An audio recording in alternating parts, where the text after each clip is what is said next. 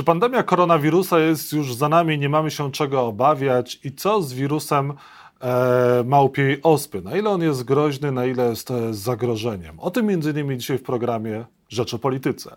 Jacek Nizinkiewicz, zapraszam. A Państwa moim gościem jest dr Paweł Grzesiowski, immunolog, ekspert naczelnej Rady, Rady, Rady Lekarskiej do spraw walki z COVID. Dzień dobry. Witam Pana i witam Państwa. Pandemia jest za nami, wróciliśmy do normalności?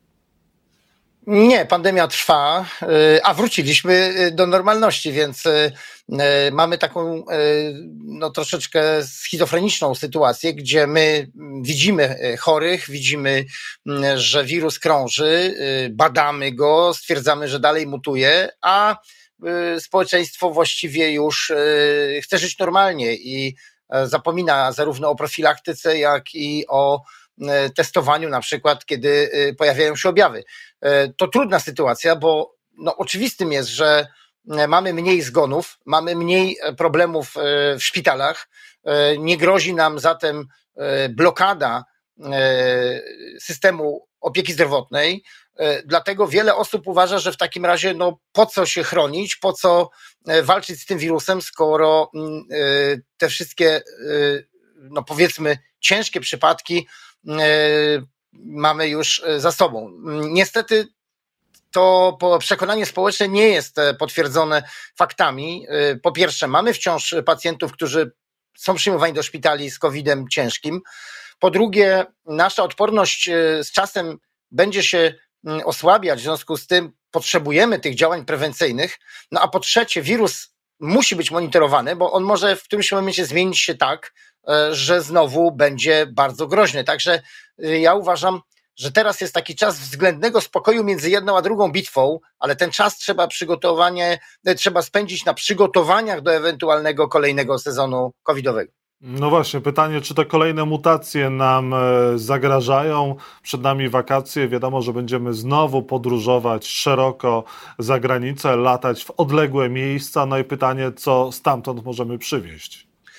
No to, co jedni uważają za nasz największy sukces, czyli taką hipermobilność, to, że możemy jednego dnia być w Afryce, drugiego dnia być e, w Azji czy w Europie, e, no my, jako lekarze, e, no trochę traktujemy jak przekleństwo, bo dzisiaj można z każdego zakątka świata wywieźć chorobę, która rozwinie się w nowym miejscu i, i pojawią się zakażenia tam, gdzie kiedyś ich nie było. Takim przykładem z ostatnich dni jest właśnie małpia ospa, gdzie zakażenia poza Afryką były sporadyczne. To były pojedyncze sytuacje i to najczęściej ewidentnie wywiezione z Afryki zachorowanie na skutek kontaktu z lokalnymi zwierzętami. A dzisiaj jesteśmy świadkami, e, no powiedzmy, epidemii w Europie. E, trudno nazywać to oczywiście epidemią w rozumieniu masowych zachorowań, no ale mamy ponad 250 przypadków w tej chwili zachorowań w 16 krajach poza Afryką, a więc coś się wydarzyło. Te, ta hipermobilność, te, e, myślę, że to, to odreagowanie po pandemii, ludzie się chcą spotykać, e, chcą ze sobą spędzać czas, i to może powodować konsekwencje właśnie w postaci pojawiających się chorób Y, których kiedyś nie było na kontynencie europejskim. Y, myśmy je zawsze nazywali chorobami endemicznymi, tropikalnymi, a one teraz y, mogą pojawić się w każdym miejscu naszego globu. No pytanie właśnie o, tą, o wirus małpiej ospy. Na ile to jest groźne, na ile może być problemem i u, kto jest najbardziej zagrożony? Sama choroba y, nie nosi znamion y, y, drastycznie niebezpiecznej. Szacuje się, że ta śmiertelność jest między 1 a 3% przy dobrej opiece medycznej, może nawet mniej niż 1%, dlatego że tu głównym mechanizmem który powoduje śmierć, jest nadkażenie bakteryjne zmian skórnych i, i, i sepsa.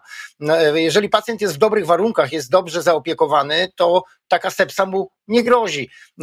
Y, powikłania ciężkie tej ospy małpi są znacznie rzadsze, czyli zapalenie mózgu czy, czy uszkodzenie innych narządów, to jest sprawa bardzo rzadka, jeśli pacjent będzie miał dobrą opiekę. Poza tym pamiętajmy, że to jest inaczej niż przy COVID-zie. Mamy już w tej chwili dostępne leki przeciw e, małpiej ospie i mamy szczepionki, które już są e, e, jakby gotowe i, i, i dostępne, oczywiście nie na masową skalę, ale są dostępne, czyli w jakichś grupach wybranych można by takie szczepienia już prowadzić. Ale sama choroba jest w tym sensie dla nas niebezpieczna, że może szerzyć się przez kontakt bezpośredni czy, czy pośredni i takim być naszym niepokojącym, zawsze gdzieś jednak niebezpiecznym zjawiskiem, bo pomyślmy przez chwilę, że wirus ospy małpiej zasiedli jakiś gatunek zwierząt w Europie.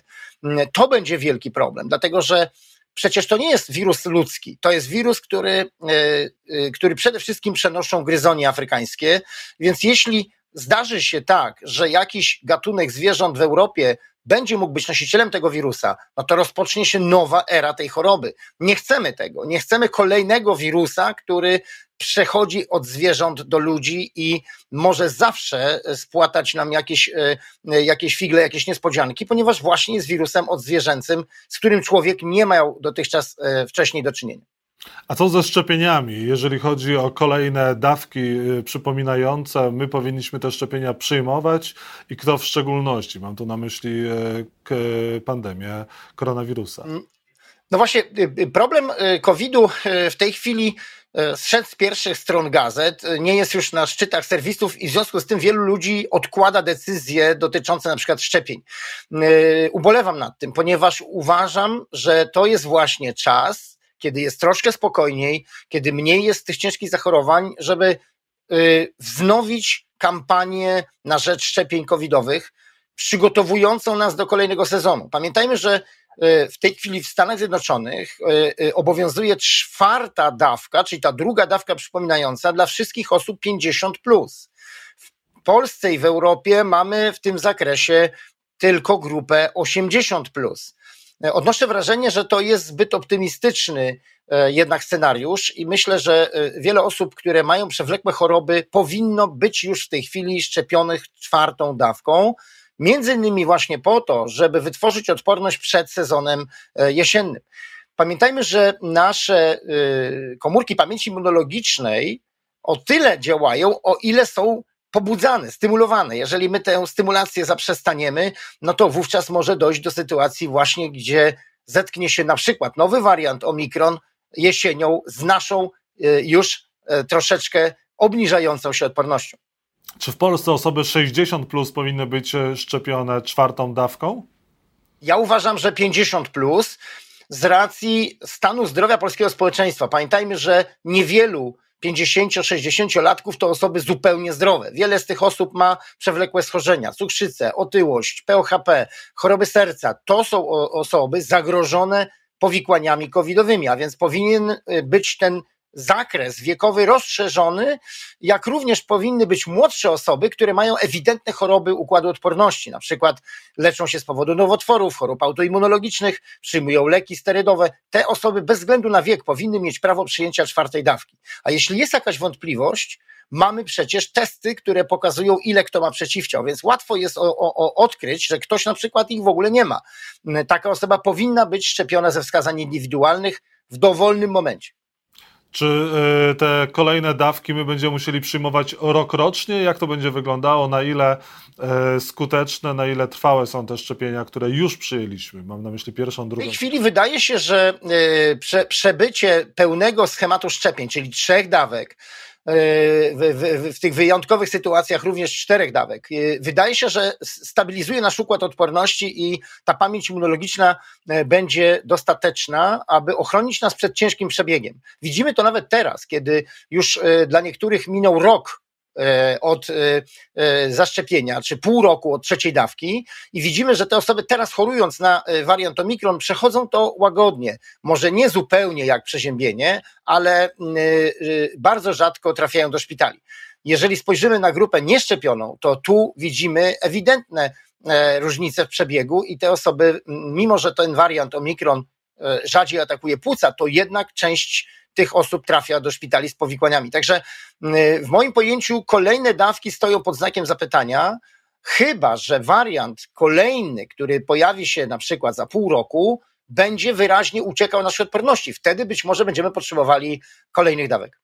A czy polski rząd wyciągnął jakieś wnioski z pandemii i czy ta służba zdrowia została ewidentnie wzmocniona? Jesteśmy przygotowani na kolejne tego typu zawały zdrowotne? W moim pojęciu nie ma żadnej analizy e, wstecznej. Ubolewam nad tym bardzo, ponieważ uważam, że niezależnie od personaliów powinniśmy przeprowadzić drobiazgową analizę działań przeciwpandemicznych przez ostatnie e, dwa i pół roku. Pamiętajmy, że nic tak dobrze nie robi, jak e, przeanalizowanie i nauczenie się na błędach. Było tych błędów niemało. Wczoraj ktoś z Europejskiego e, Centrum zadał mi pytanie, e, jeden z dziennikarzy, czy Polska ma się czym pochwalić, jeśli chodzi o walkę z pandemią? Oni szukają pozytywnych wzorców, nie tylko negatywnych. I muszę powiedzieć, że miałem pewien problem na początku, żeby wskazać taki ewidentny sukces Polaków na skalę krajową. Przyszło mi do głowy y, y, jedynie y, ogłoszenie wczesne lockdownu. Tym Polska rzeczywiście wyprzedziła inne kraje i decyzje z początku marca 2020 są oceniane jako decyzje nie tylko słuszne, ale przede wszystkim bardzo skuteczne. Myśmy uratowali przynajmniej 30 tysięcy ludzkich istnień tym wczesnym lockdownem ale na tym właściwie, jeżeli chodzi o sukcesy e, w Polsce, musiałbym zakończyć. E, ta lista jest bardzo krótka. E, potem już były raczej niepowodzenia i opóźnienia. Ale jeżeli spojrzymy na skalę lokalną, jeżeli spojrzymy na przykład na organizację punktów szczepień, punktów testowania przez samorządy, niektóre szpitale tymczasowe, które były pod zarządami władz lokalnych, to są prawdziwe sukcesy, którymi warto się pochwalić. Czyli tam, gdzie się coś udało, powinniśmy o tym powiedzieć. Tam, gdzie się nie udało, powinniśmy wyciągnąć z tego wnioski na przyszłość. No dobrze, ale jeżeli byłaby y, kolejna fala pandemii, to my jesteśmy do niej przygotowani, czy nie? W moim pojęciu przede wszystkim jesteśmy bardziej przygotowani mentalnie. To znaczy, z jednej strony y, przeżyliśmy doświadczenie, które pozostawi ślad na, na no co najmniej kilkanaście lat, na, na kilku pokoleniach Polaków. Y, przeżycie raz jakiegoś kataklizmu uwrażliwia nas na e, podobne sytuacje w przyszłości.